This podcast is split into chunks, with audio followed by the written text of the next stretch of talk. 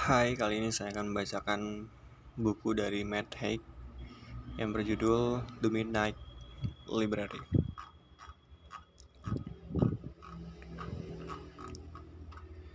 Aku tak akan pernah bisa menjadi semua orang yang kuinginkan dan menjalani semua kehidupan yang kuinginkan. Aku tak akan pernah bisa melatih diriku dengan semua keahlian yang kuinginkan. Apa yang kuinginkan? Aku ingin hidup dan merasakan semua gradasi, warna, dan variasi pengalaman mental dan fisik yang dimungkinkan dalam hidupku. Sylvia Plath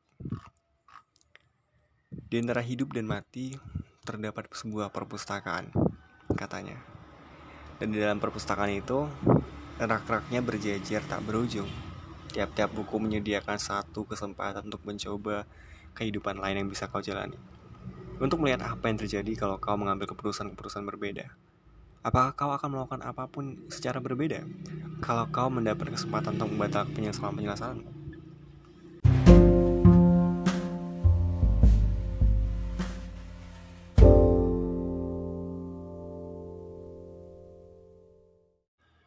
Obrolan tentang hujan 19 tahun sebelum ia memutuskan untuk mati, Nora Sid duduk di dalam kehangatan perpustakaan kecil di sekolah Hazelden di kota Bedford.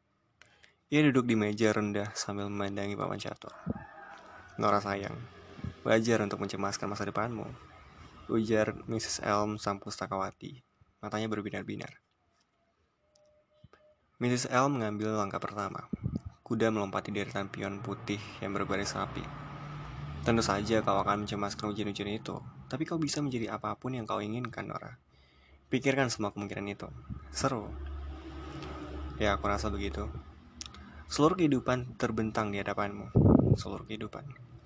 Kau bisa melakukan apa pun, hidup di mana pun. Di satu tempat yang tidak terlalu dingin dan sering hujan misalnya. Nora mendorong satu pion maju dua langkah. Sulit untuk tidak membandingkan Mrs. Elm dengan ibunya, yang memperlakukan Nora seperti kesalahan yang butuh dikoreksi.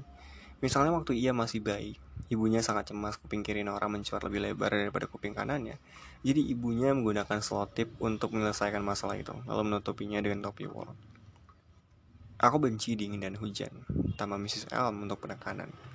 Mrs. Elm punya rambut kelabu yang dipotong pendek dan wajah oval yang agak keriput tapi kelihatan baik.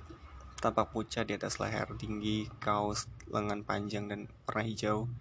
Ia sudah lumayan tua, tapi juga orang yang paling memahami Nora di santero sekolah. Enggak bahkan pada hari-hari yang tidak hujan pun Nora akan menghabiskan jam istirahat siang di perpustakaan kecil itu. Dingin dan sering hujan tidak selalu beriringan. Nora memberitahunya. Antar kita, Antartika adalah benua paling kering di bumi. Secara teknis tempat itu gurun. Ya, kedengarannya itu jalan yang cocok untukmu. Menurutku tempat itu masih kurang jauh Ya mungkin kau harus menjadi astronot, menjelajahi galaksi. Lara tersenyum. Hujan di planet-planet lain malah lebih parah lagi. Lebih parah daripada Bedfordshire. Di Venus hujannya asam murni. Mrs. A mengeluarkan tisu dan balik dari balik lengan kaosnya dan membersih hidung perlahan. Nah kan, dengan otak yang kau punya, kau bisa melakukan apa pun. Seorang anak laki-laki berambut pirang yang Nora tahu dua tahun di bawahnya berlari di luar jendela yang berjejak hujan tentang mengejar seseorang atau sedang dikejar. Sejak laki-lakinya pergi, Nara merasa agak was-was di luar sana. Perpustakaan merupakan suatu kacau peradaban. Menurut Dad, aku sudah menyanyikan semuanya. Sekarang setelah aku berhenti berenang. Ya mungkin aku tidak pantas mengatakan ini. Tapi di dunia ini, ada banyak hal yang lebih penting daripada berenang sangat cepat. Ada banyak kemungkinan kehidupan berbeda yang terbentang di hadapanmu. Seperti yang aku katakan minggu lalu, kau bisa menjadi glasiolog. Aku setelah melintinya dan saat itulah telepon berdering.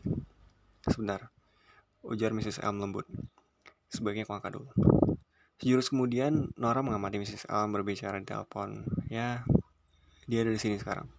Wajah pusakawati itu kelihatan shock. Ia menghubungi Nora, tapi kata-katanya masih kedengaran dari seberang ruangan yang sepi itu.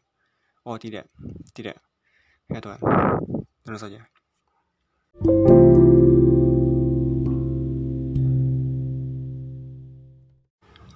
19 tahun kemudian.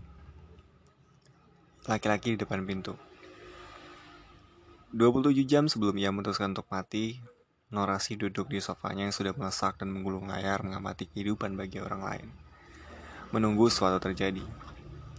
Lalu, tiba-tiba saja, sesuatu betul-betul terjadi. Seorang entah untuk alasan aneh apa membunyikan bel pintunya. Sesaat dia bimbang apakah sebaiknya ia abaikan saja, Bagaimanapun dia sudah memakai baju tidur, biarpun sekarang baru jam 9 malam, ia merasa tidak percaya diri dengan kaos gombrong Eco Warrior dan celana piyama tartannya.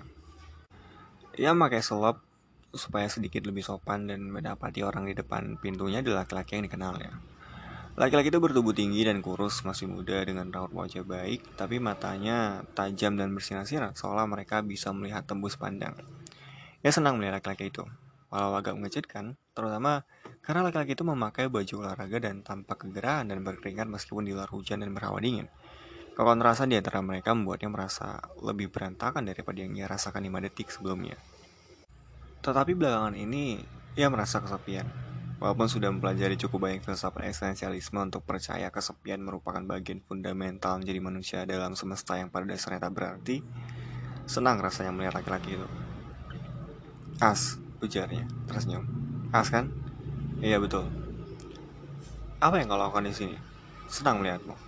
Beberapa minggu lalu ia tengah duduk memainkan piano elektriknya dan As berlari di sepanjang Bancroft Avenue dan melihatnya lewat jendela di sini, di tiga-tiga dan melambai padanya. As pernah sekali bertahun-tahun lalu mengajaknya minum kopi bersama, mungkin laki-laki itu hendak melakukannya lagi.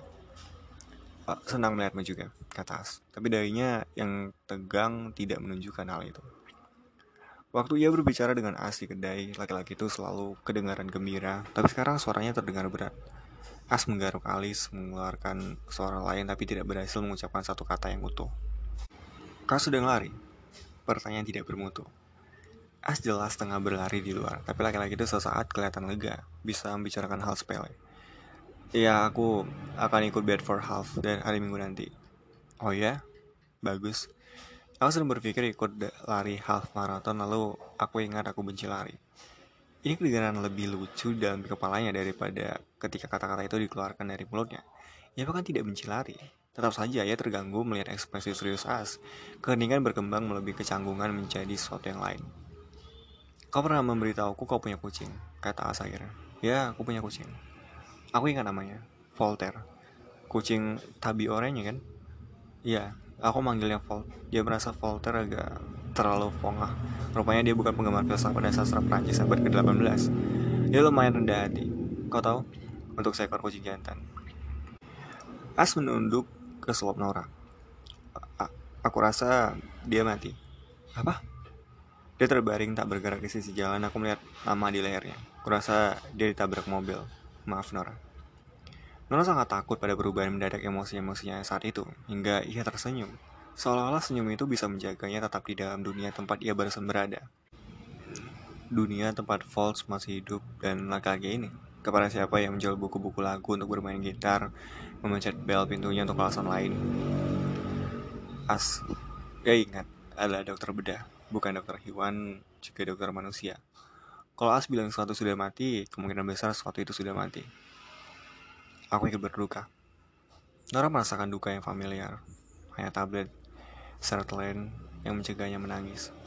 Oh Tuhan, yang melangkah keluar ke batu-batu lempeng retak di trotoar basah Bancroft Avenue, bisa napas dan melihat makhluk berbulu oranye yang malang itu tergolek di aspal yang mengkilap oleh air hujan di samping trotoar. Kalau kucing itu menempel ke sisi trotoar sementara kakinya tertarik ke belakang seolah-olah tengah berlari, mengejar burung hayalan. Oh, false. Oh tidak, oh Tuhan. Ia tahu ya seharusnya merasakan iba dan kesedihan mendalam bagi kucingnya itu. Dan dia memang merasakannya, tapi ia harus mengakui ke sesuatu yang lain. Sewaktu melihat ekspresi diam dan tenang Voltaire, ketiadaan rasa sakit sama sekali, suatu perasaan yang tak bisa dihindarinya mulai mendidih dalam kegelapan. Iri.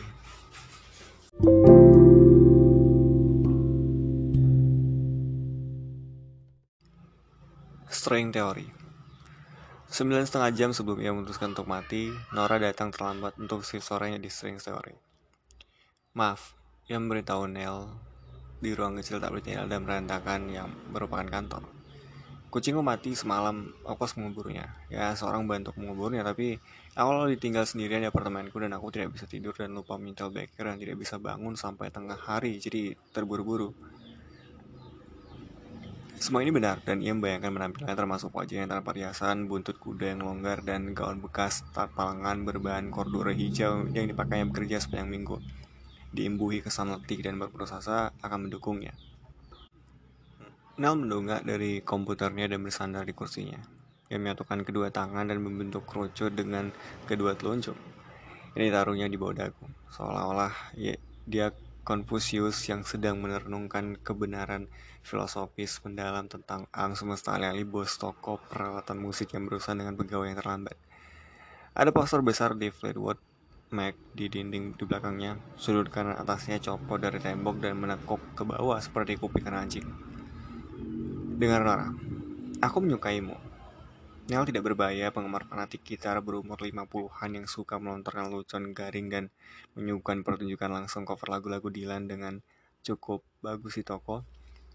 Aku juga tahu kau punya urusan kesehatan mental. Semua orang punya urusan kesehatan mental. Kau tahu maksudku? Aku merasa jauh lebih baik secara umum. Nora berbohong. Ini bukan depresi klinis. Dokter bilang ini depresi yang berkaitan dengan situasi. Hanya saja, aku terus-terusan mengalami situasi baru tapi aku belum pernah curi sakit walaupun satu hari pun. Selain waktu ibuku ya. Ya selain itulah. Nel mendesa waktu melakukannya terdengar suara siulan dari hidungnya. Nada bemol yang mengancam. Nora sudah berapa lama kau bekerja di sini? 12 tahun dan tak proses 11 bulan dan 3 hari. Putus sambung. Itu waktu yang sangat lama Aku merasa kau ditakdirkan untuk hal-hal yang lebih baik. Umurmu sudah akhir 30-an. Umurku 35 tahun. Ada begitu banyak yang bisa kau lakukan. Kau memberi les piano pada orang-orang, satu orang. Nel menepis remahan dari sweaternya. Apa kau membayangkan diri tetap berada di kampung halamanmu jadi pegawai toko? Kau tahu waktu umurmu 14 tahun? Apa yang kau bayangkan tentang dirimu sendiri saat itu? Waktu umur 14 tahun. Perenang. Ya dulu gadis perenang berumur 14 tahun yang tercepat di seluruh negeri dalam gaya dada dan kedua tercepat dalam gaya bebas. Ya ingat berdiri di atas podium kejuaraan renang nasional. Lalu apa yang terjadi? Dia memberitahukan versi singkatnya. Terlalu banyak tekanan. Tapi tekanan menempa kita. Kau mulai sebagai orang dan tekanan menjadikanmu berlian. Ia tidak mengoreksi pengetahuannya tentang berlian. Ia tidak memberitahu bahwa meskipun arang dan berlian sama-sama karbon, orang terlalu banyak campuran untuk bisa menjadi berlian di bawah tekanan apa pun menurut sains. Kau mulai sebagai arang dan kau akan berakhir sebagai arang. Mungkin itu pelajaran di kehidupan, di kehidupan nyata. Ia menyelipkan selai rambut yang sehitam arang ke arah buntut kudanya. Apa yang dah kau katakan, Nel? Tidak ada kata terlambat untuk mengejar mimpimu. Cukup yakin sudah terlambat untuk mengejar mimpi yang satu itu. Kau orang yang memiliki banyak kelebihan, Nora. Gelar dalam bidang filsafat. Nora menunduk ke tai lalat kecil di tangan kirinya. Tai lalat itu telah melalui semua yang telah dilaluinya dan tetap berada di sana, tidak peduli. Hanya menjadi tai lalat. Kalau aku boleh jujur, permintaan untuk filsuf di Bedford tidak berlimpah, Nel. Kau pergi kuliah, tinggal setahun di London, lalu pulang. Aku tidak punya pilihan. Nora tidak ingin membicarakan soal ibunya yang sudah mati atau bahkan dan karena Lel menganggap Nora yang membatalkan pernikahan hanya dua hari sebelum hari H sebagai cerita cinta paling menarik sejak Kurt dan Courtney. Kita semua punya pilihan Nora. Ada yang namanya kehendak bebas. Ya, tidak kalau kau pandangan determinisme terhadap jagat raya. Tapi kenapa di sini? Pilihannya di sini atau pusat penyelamatan hewan. Yang ini bayarnya lebih bagus. Plus kau tahu musik. Kau pernah membentuk band bersama kakak laki-lakimu? Ya, The Labyrinth. Kamu tidak menuju ke mana-mana. Kakak kakakmu mengatakan hal yang berbeda. Ini membuat Nora kaget. Joe, bagaimana kau?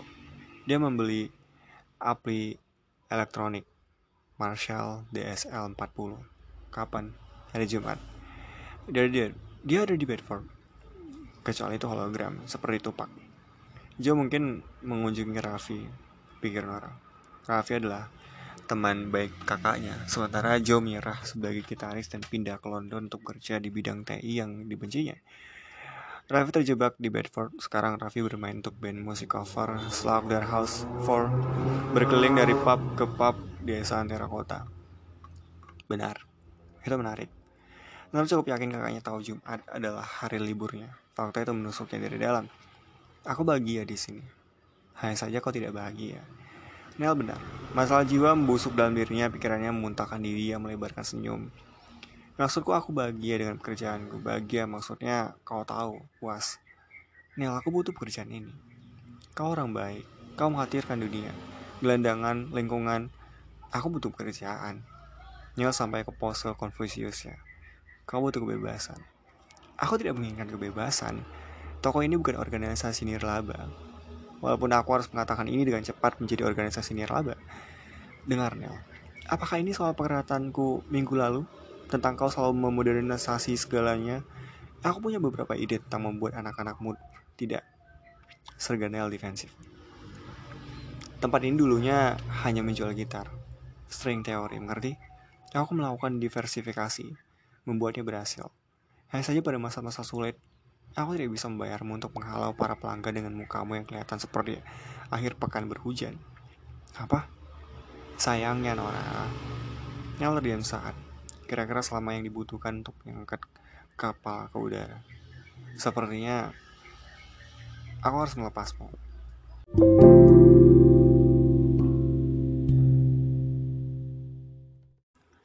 Hidup adalah penderitaan.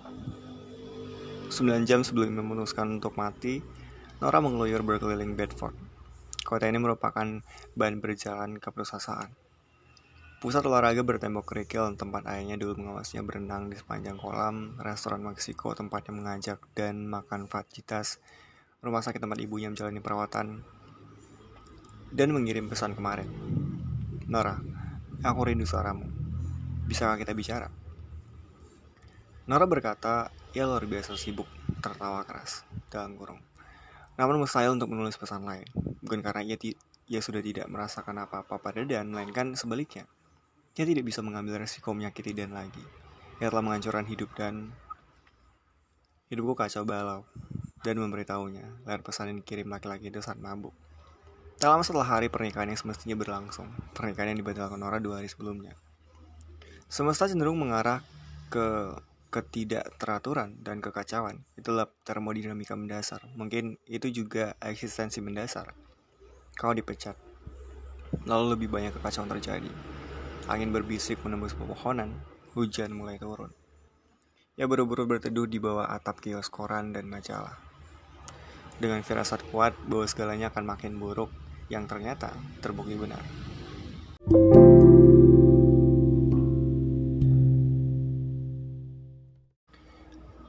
Pintu-pintu 8 jam sebelum ia memutuskan untuk mati, Nora masuk ke kios koran dan majalah itu.